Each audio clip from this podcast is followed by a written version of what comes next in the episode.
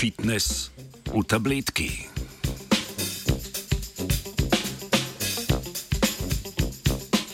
Raziskovalke in raziskovalci Stanforda so v znanstveni reviji Nature objavili članek o tem, kako jim je uspelo odkriti in identificirati molekulo, katere koncentracija se v krvi znatno poviša ob telesni vadbi.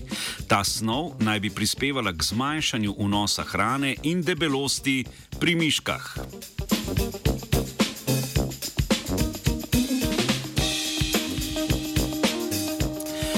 Poleg uravnotežene prehrane je telesna vadba eden izmed glavnih dejavnikov, ki pripomorejo k izgubi prekomerne telesne mase na račun maščob.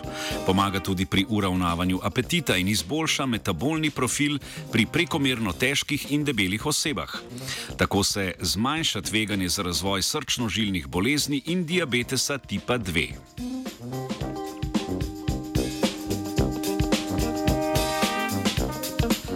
Raziskovalna skupina je s pomočjo netarčne metabolomike spremljala miši, ki so tekale na tekalni stezi, dokler se niso utrudile.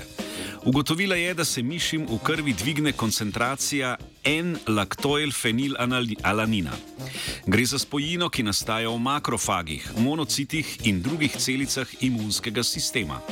Ta modificirana aminokislina je sestavljena iz laktata, ki se sprošča ob intenzivni telesni vadbi, in fenilalanina, esencialne aminokisline, ki gradi proteine v telesu.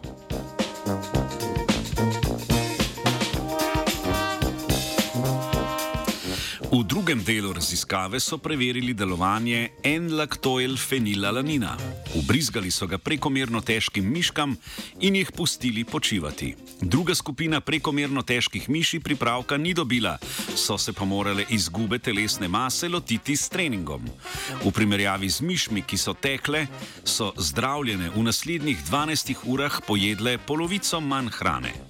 Desetdnevno ubrizgavanje N-laktoil-fenilalanina je privedlo do znatno nižjega vnosa hrane v primerjavi s kontrolno skupino, kar je zmanjšalo količino maščobnega tkiva in telesne mase.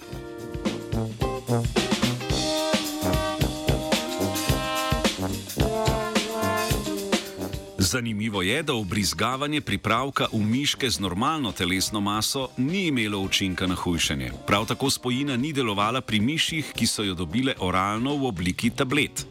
Sklepajo, da ta modificirana aminokislina razpade tekom prebave in zato ne more več vplivati na metabolne procese.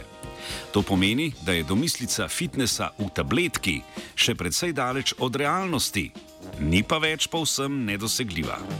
Yeah.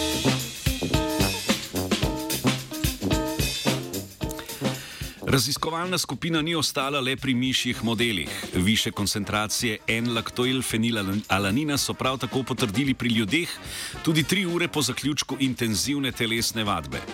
To bi lahko vodilo v razvoj novih zdravil, predvsem za posameznike in posameznice, ki fizično niso sposobni telovaditi, a bi jim medicinsko inducirana simulacija telesne aktivnosti koristila.